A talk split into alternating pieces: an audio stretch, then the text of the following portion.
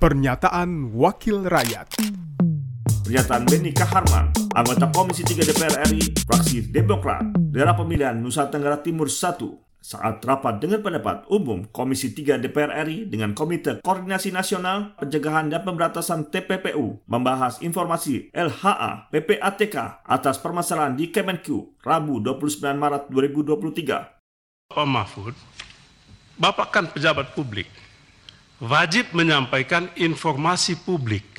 Sesuai dengan Undang-Undang KIP, apa yang dimaksudkan informasi publik itu jelas didefinisikan. Dan itu disampaikan oleh pejabat publik kepada publik. Pejabat publik tidak boleh menyampaikan kepada publik isu yang tidak jelas asal-usulnya. Atau masalah yang belum ada pembahasan, belum ada pembicaraan, belum ada penyelesaian. Jadi yang disampaikan kepada publik itu adalah informasi publik yang sudah digodok dan sudah matang. Itu Undang-Undang KIP. Bapak kan bukan pengamat politik.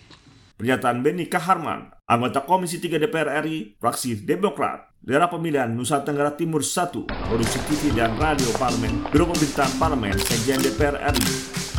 Pernyataan Wakil Rakyat